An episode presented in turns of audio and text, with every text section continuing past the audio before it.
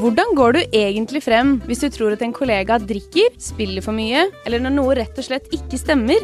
I denne podkasten tar vi opp temaer som av mange oppleves utfordrende å snakke om, og hvordan du går frem for å gjøre noe med det. Mange kjenner nok deg som eh, komiker, skuespiller eller tidligere NRK-programleder. I dag skal vi snakke om noe ganske annet. Mm. Velkommen hit, eh, Pål Espen Kilstad. Tusen takk. Vi hadde en liten prat for en uke siden, og da sa du at uh, du hadde verdens beste far uh, når han ikke drakk. Mm. Ja, men han var det, skjønner du. Han, Mm. var, um, han var den faren som um, strakk liksom flere hundre meter lysledning i skråningen, sånn at uh, jeg og kompisene mine kunne stå på ski seint utover kvelden. Han var den som tok oss med på fisketurer til øh, Hallingdal og Valdres. Han var den som kjøpte campingvogn, sånn at vi kunne ha campingvogn vinterisolert i Hemsedal, så vi kunne dra på helgeturer dit og stå på ski og sånn. Hans ønske var at vi skulle ha verdens beste barndom, og derfor hadde han to jobber for å få det til, og ironisk nok så måtte han døyve det arbeidspresset med å drikke, og så endte han opp med å gi oss det motsatte av det som var intensjonen hans fra starten av. Så jeg hadde verdens beste far, men det var altså når han ikke drakk. Du nevner barndommen. eh, Hvem, hvem vokste du opp med? Jeg hadde to, eller har to brødre, eh, og så var det venner og kamerater og sånn i nærheten, men eh, jeg ville jo ikke at de skulle få så mye innblikk i hvordan det egentlig sto til hjemme. Men eh, brødrene mine eh, fikk jo noe av den samme opplevelsen som meg. Min nærmeste bror, han, han fikk det samme. Eh, men min eldste bror, han flytta ut når han var ganske ung for å begynne i lære, så han, han gikk glipp av liksom den verste perioden. Og når var den verste perioden, eller når merka du at hans oppførsel ble annerledes og drakk?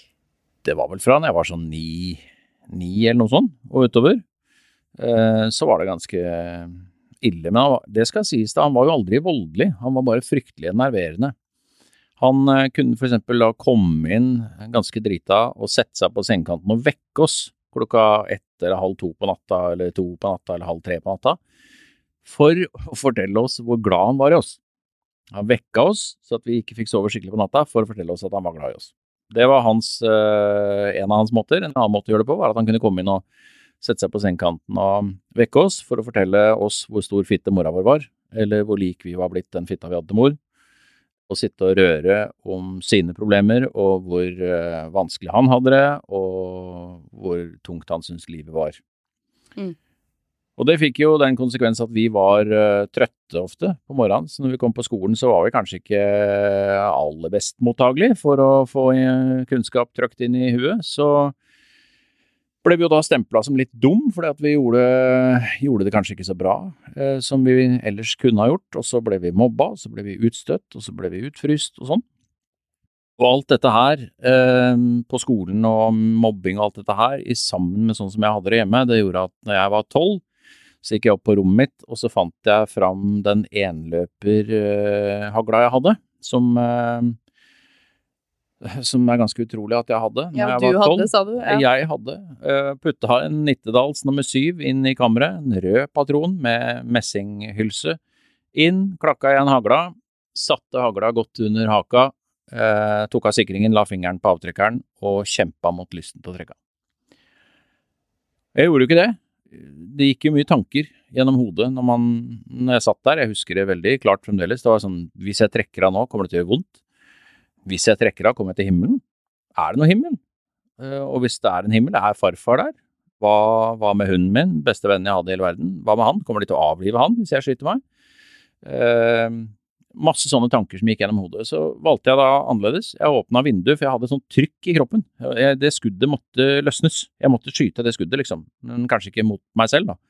Så jeg åpna vinduet, og så skøyt jeg ut i den svarte natta. Og så hadde jeg sett for meg, da, ikke sant, oppi hodet, sånn mentalt bilde at nå skyter jeg, og nå kommer de løpende. Hva er det som skjer, liksom? Og så var det ingen som kom. For at de var mer enn enn opptatt med å krangle og være full i etasjen under. Så de hørte ikke at deres yngste sønn skøyt med hagle i etasjen over.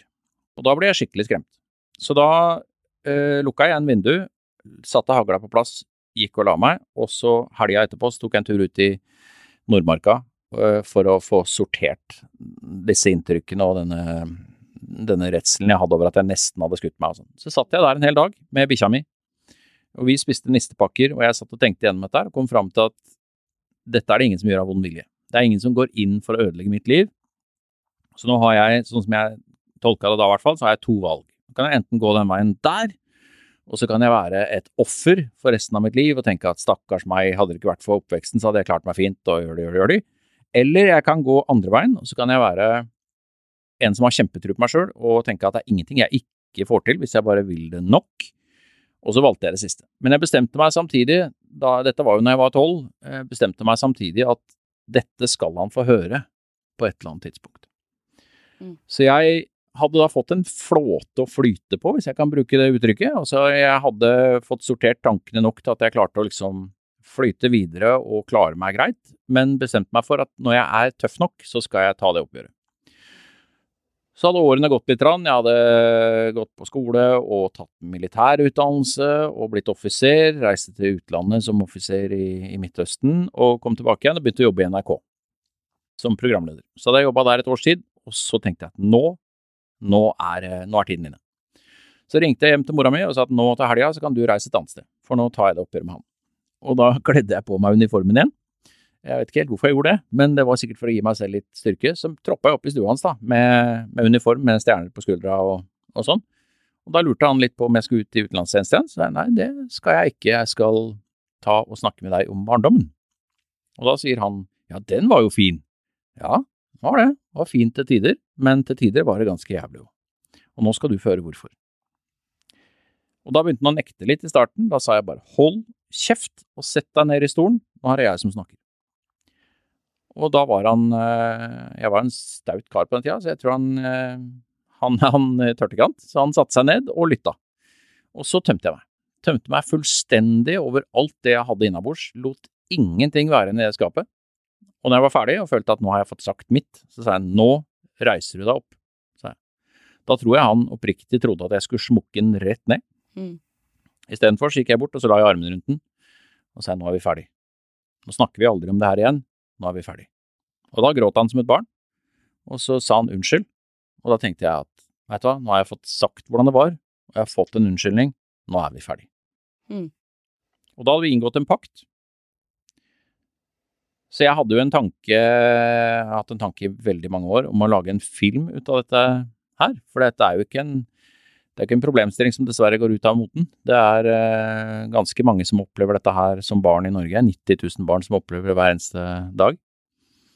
Så jeg hadde inngått en pakt med han, så jeg kunne ikke lage den filmen, for han var død. Og han døde for fire år siden. Og da tenkte jeg at nå, nå, kan, jeg, nå kan jeg begynne å jobbe med den filmen.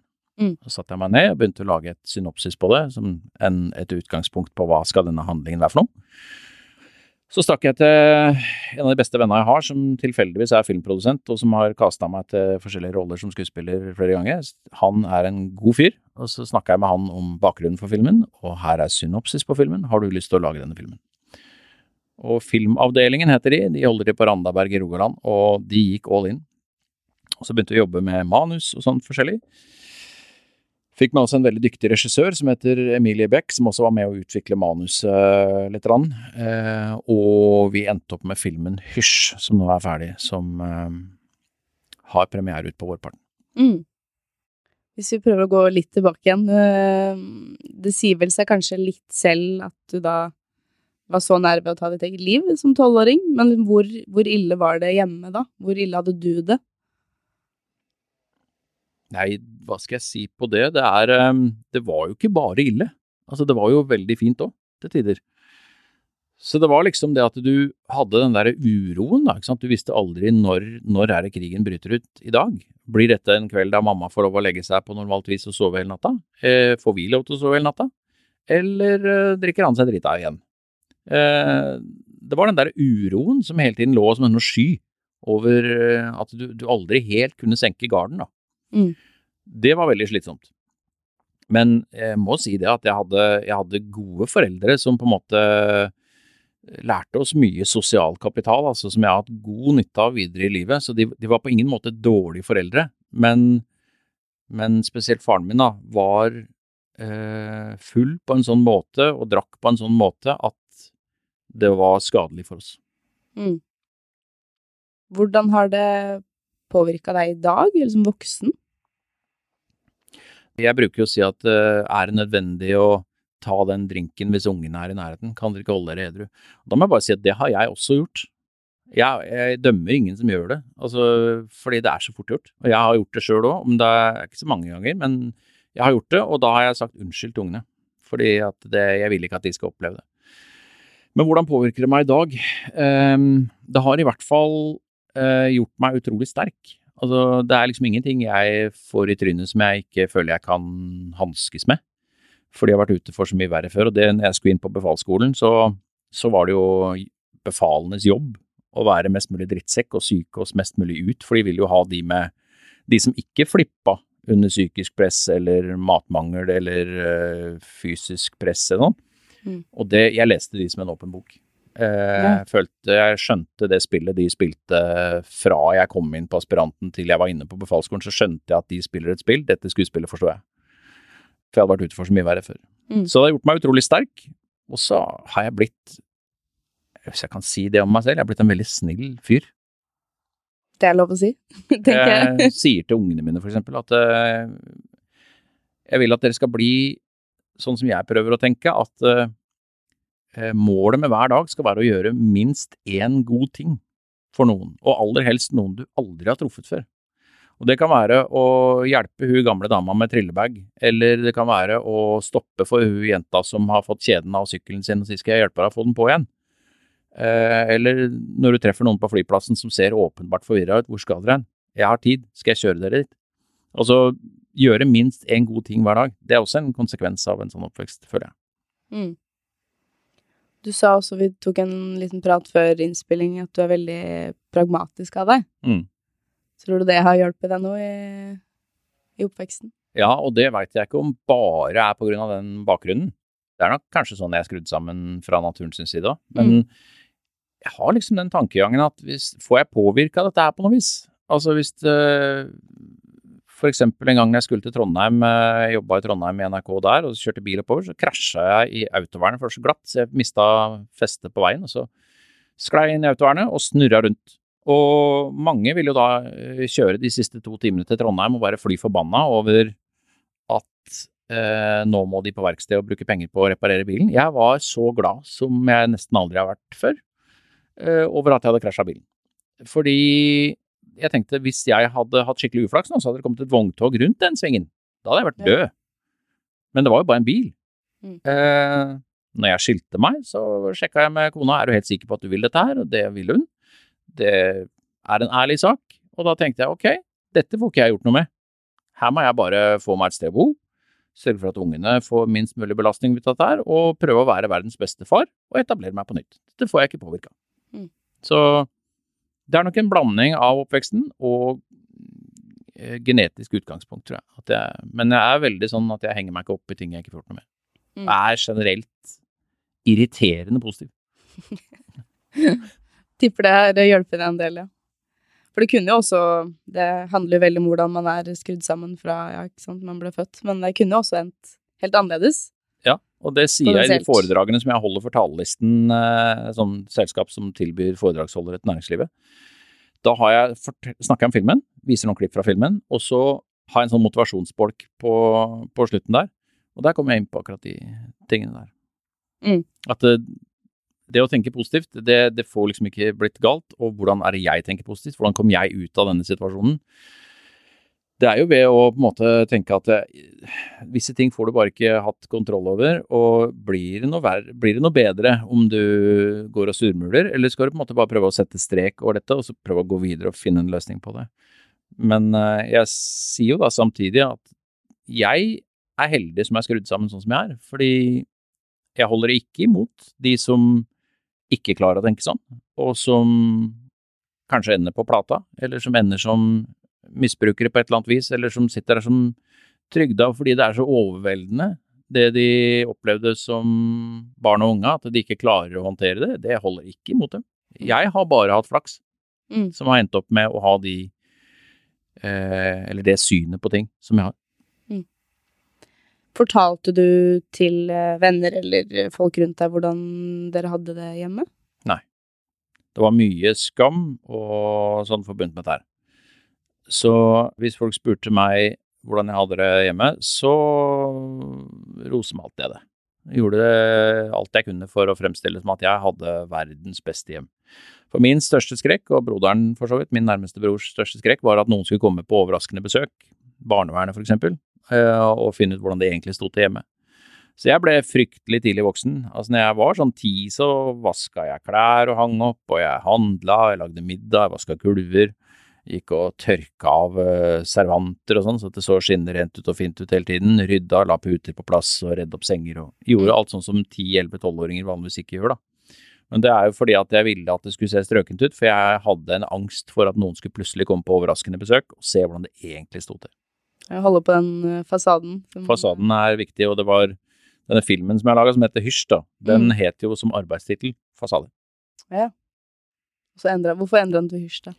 Fordi det er en uh, tittel som Den er ikke så åpenbar. Altså det får folk mer til å undre hva dette er for noe. Og så er det en, en tittel som jeg syns på en måte å eh, inkorporerer handlingen i filmen bedre enn Fasade. Mm.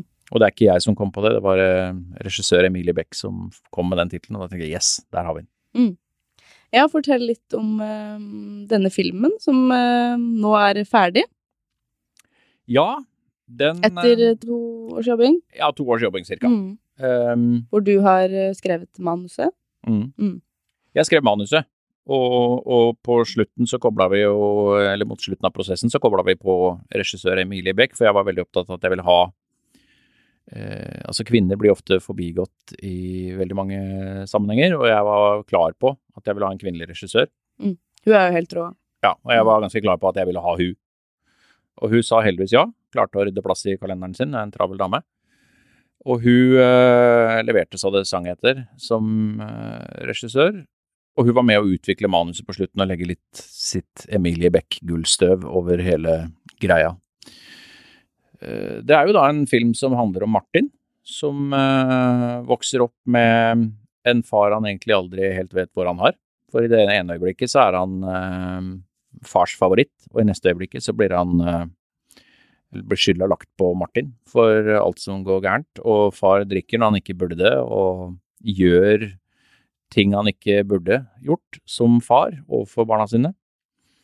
Og så er det litt forskjellige ting som skjer rundt denne filmen, da, at det kommer noe overraskende besøk, og eh, det blir noen vendinger i filmen som eh, kanskje ikke folk har eh, kanskje sett for seg når de begynte å se filmen, men eh, de vi har vist den til, er veldig positive til den, og det er en, det er en film som på en måte viser et ærlig og ekte innblikk i hvordan det er for en tolvåring, for det er jo det det handler om her, at vi vil vise det fra tolvåringens øyne, da.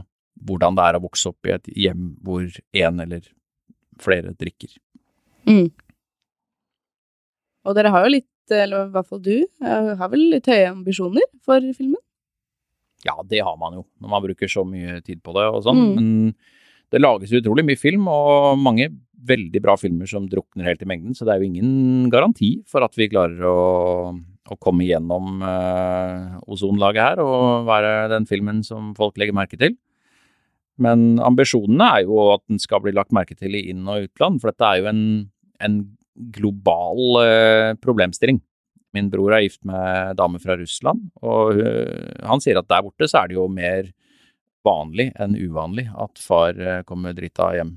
Så det er en kjempestor problemstilling som våre samarbeidspartnere, som er øh, barn av rusmisbrukere og Kirkens SOS, sier at dette krysser av alle boksene på det som deres telefontjeneste får oppringninger fra barn om. Det er eh, krangling, det er alkohol, det er slåssing, det er eh, ikke få sove om natta, det er alle disse tingene som vi har med i den filmen, det krysser av alle boksene hos dem. Mm. Så det er liksom et mål at eh, at denne filmen skal få voksne til å tenke litt. At er det nødvendig å drikke på julaften? Kan ikke det være ungenes dag?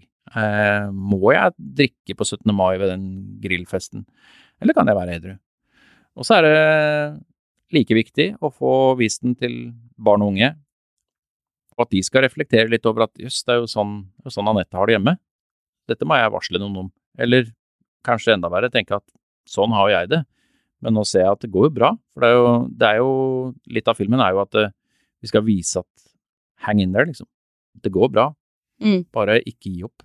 Mm. Og hvis vi kan få noen barn til å tenke sånn, hvis vi kan få noen voksne til å reflektere litt, da er dette verdt to år av mitt liv.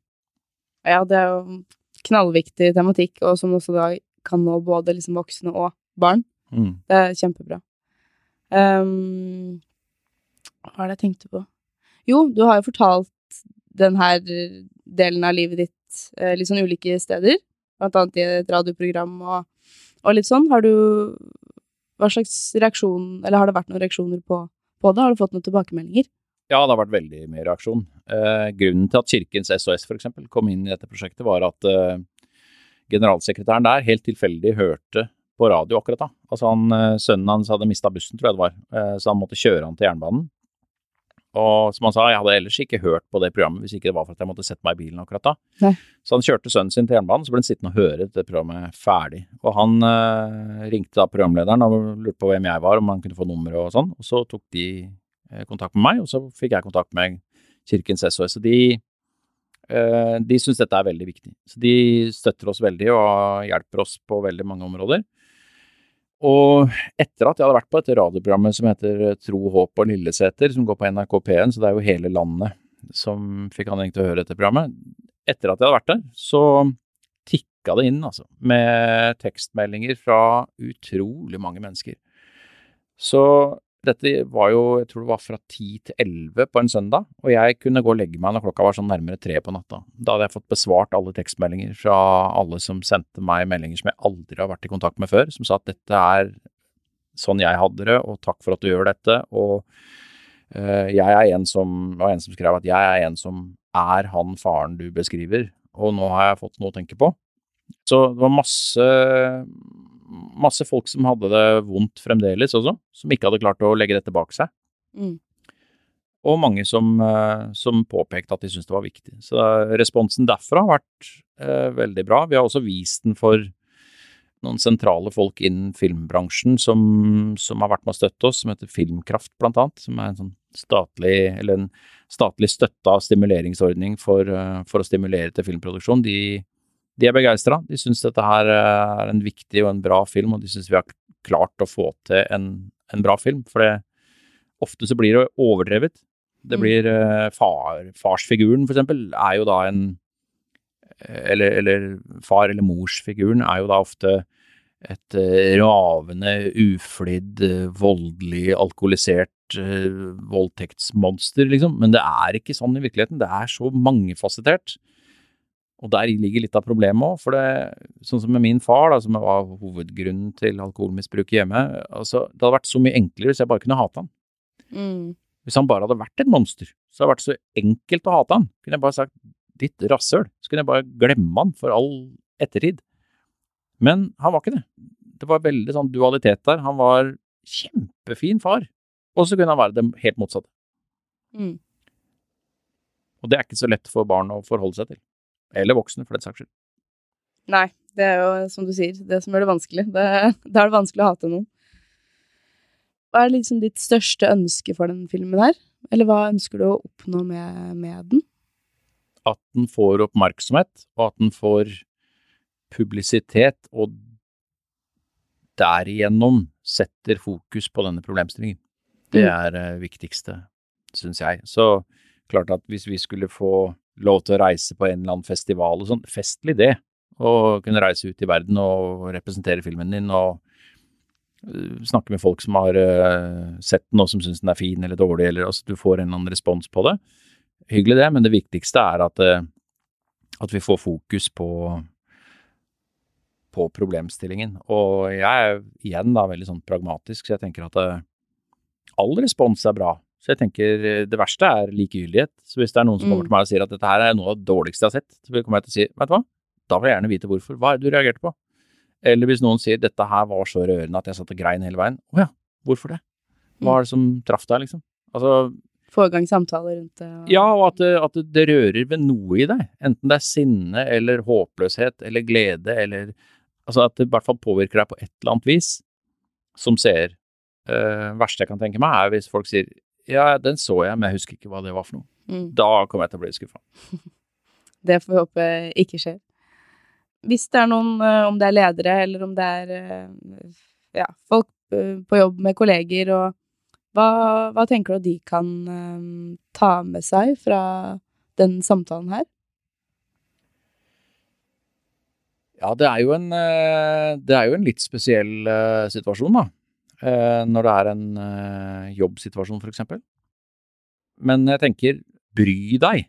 Fordi det er jo ingen som Altså hvis det er noen som sitter i en jobbsituasjon og, og har åpenbart et gamblingproblem, eller eh, har åpenbart et alkohol- eller pilleproblem, Mm. så er jo ikke det noen som da har uh, våkna opp en dag og tenkte nei, men skal jeg bli misbruker, da?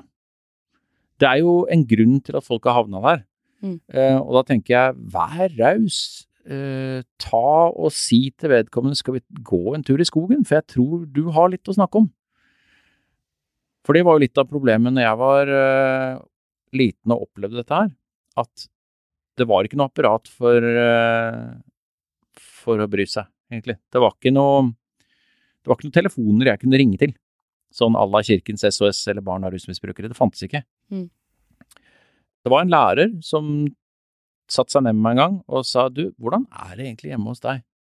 Og da tok jeg på meg fasaden med en gang og sa det er kjempefint, og vi skal fiske til helga, og, og pappa er så grei, vet du, og mamma og står på, og jeg holdt liksom fasaden, og så var det greit. Da hadde læreren fått det svaret hun Da hadde hun gjort det som var på en måte stillingsbeskrivelsen, at hun Mm. skulle på en måte sjekke det, og det følte hun hadde gjort. Hadde hun tatt meg med på en tur i skogen og sagt nå går vi en tur i skogen, så driter vi i den norsktimen. Mm. Jeg skal snakke med læreren etterpå, jeg så går vi en tur i skogen, og så tar vi med oss en pakke kjeks. Mm. Hvis hun da hadde begynt å grave litt i det, og pirke litt i den ballongen, så hadde den sprukket. Mm. Litt Ja, du det tror det. Ja, det er jeg helt overbevist om. Mm. Fordi vi gikk jo og bar på denne tunge byrden uten at vi følte at det var noen som egentlig brydde seg. Mm. Altså naboer visste jo om at det var sånn, Mm. men dette var 70-tallet, og da skulle man ikke blande seg opp i hva naboen holdt på med. Og litt sånn er det kanskje til en viss grad i dag òg, men i dag er det heldigvis et apparat for å håndtere det både overfor barn og for jobbsituasjoner som du beskriver her. Da. Så jeg tenker hvis du er en leder av og mistenker at eh, en av dine ansatte har et problem med gambling eller piller eller alkohol eller et eller annet annet, eller at det kanskje kan være så enkelt som at et samlivsproblem, altså det er, han har det åpenbart ikke godt. Mm. Da sier du, vet du hva, i dag tar vi halv dag, du og jeg går på stranda. Mm. Og så går de og tar en tur og prater med vedkommende og sier du, men jeg legger av deg fasaden, jeg ser at det er noe som tynger deg. Mm. Hva er det? Få høre, jeg skal ikke si det noen, jeg har taushetsplikt. Få høre hva, hvor er det skoen trykker? Da tror jeg du har gjort en god jobb, altså. Ja, det er litt det vi også, eller rådgiveren hos oss, prøver å få fram, da. Det her med For det første, som du sier, ta det litt ut av de vanlige settingene. Ikke, kanskje ikke sitt på sjefens kontor hvis det skal ha litt sånne Det er ikke en medarbeidersamtale. Nei, ikke sant. Det er liksom tenk litt lenger, ja. Bruk det man har i nærheten, om det er strand eller om det er um, en parkbenk. Og det her med Ja, man spør jo alltid hvordan går det, Mm. men uh, det, er, det er så lett å si det går fint. Er det fint? Men å, å tørre å grave litt mer, og gjerne da komme liksom med bekymring Eller grunnen til at man er bekymra eller tror at det er noe. Jeg opplevde jo det i NRK. Det var en uh, fantastisk fyr som heter Stig Hernes, som var programleder i et program som het Norgesklasse. Fra Voss, er han. Så møtte jeg han i gangen og sa hei Stig, hvordan går det? Ja, det går bra med meg, men uh, om jeg ikke hadde hatt det bra, hadde du hatt tid til å satt deg ned med meg og hørt hvorfor jeg ikke har det bra? Nei, sa jeg, det hadde jeg antagelig ikke hatt, for jeg er på vei til noe. Da skal du ikke spørre hvordan jeg har det.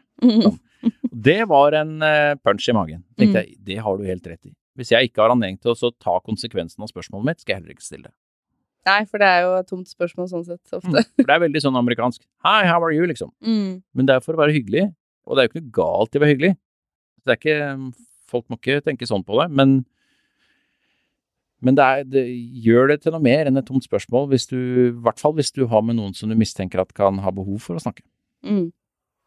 Og også det her med Vi har jo også en veiledningstelefon, hvor uh, for så vidt hvem som helst kan ringe inn til oss og, og spørre om det er enkeltsaker eller større ting. Og da det, kan det være pårørende som ringer.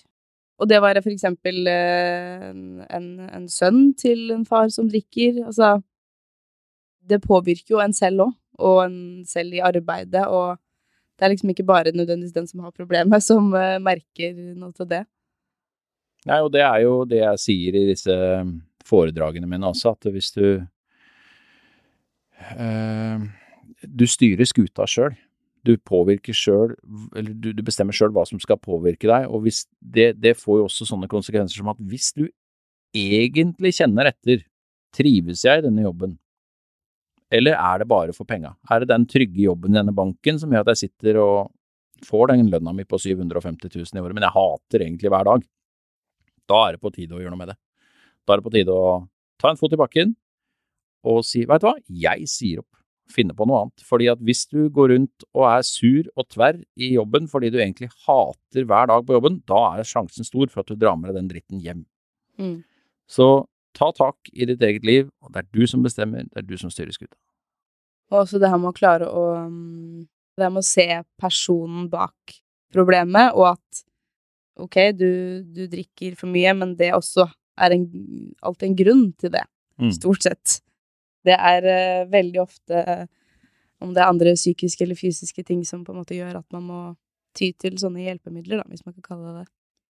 Ja, det er sånn som jeg prøver å pode inn i ungene også, at uh, de gutta som sitter på den benken i parken med den posen, de er ikke, de er ikke skumle, de er ikke onde, de har bare blitt litt for glad i alkohol.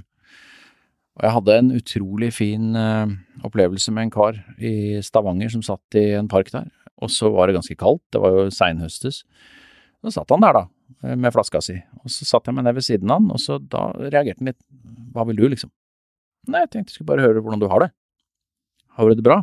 Og så var han litt skeptisk i starten, og etter hvert så tødde han litt opp.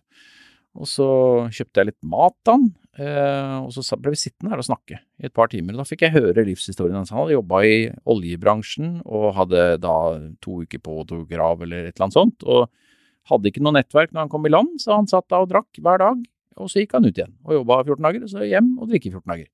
Eh, og han fortalte om bakgrunnen sin, og at han kom fra Nord-Norge og sånt noe, og da fikk jeg hilst på mannen bak det skjegget og den litt slitte fremtoningen, og der var du et menneske, og det er det liksom jeg i hvert fall prøver å lære ungene mine, at uh, ikke døm, ikke døm, altså ikke vær dømmende. Mm. Det tror jeg òg kan være veldig nyttig i en jobbsituasjon, at man, som du sier, ser at det, det er noe bak her. Det er et menneske bak her, det er en historie, det er en årsak bak her. Mm. Så prøv å, prøv å se det, istedenfor bare førsteinntrykket. Det tror jeg er veldig, veldig viktig. Vi gleder oss veldig til, til vi får se den. Og tusen hjertelig takk for at du deler med oss og ville være med i podkasten. Takk for at jeg fikk komme. Selv takk. Takk for at du lytta til podkasten. Husk å abonnere, så får du neste episode direkte til mobilen din. Ønsker du mer informasjon om hva du kan gjøre, gå inn på akan.no. Er du bekymra? Ta praten.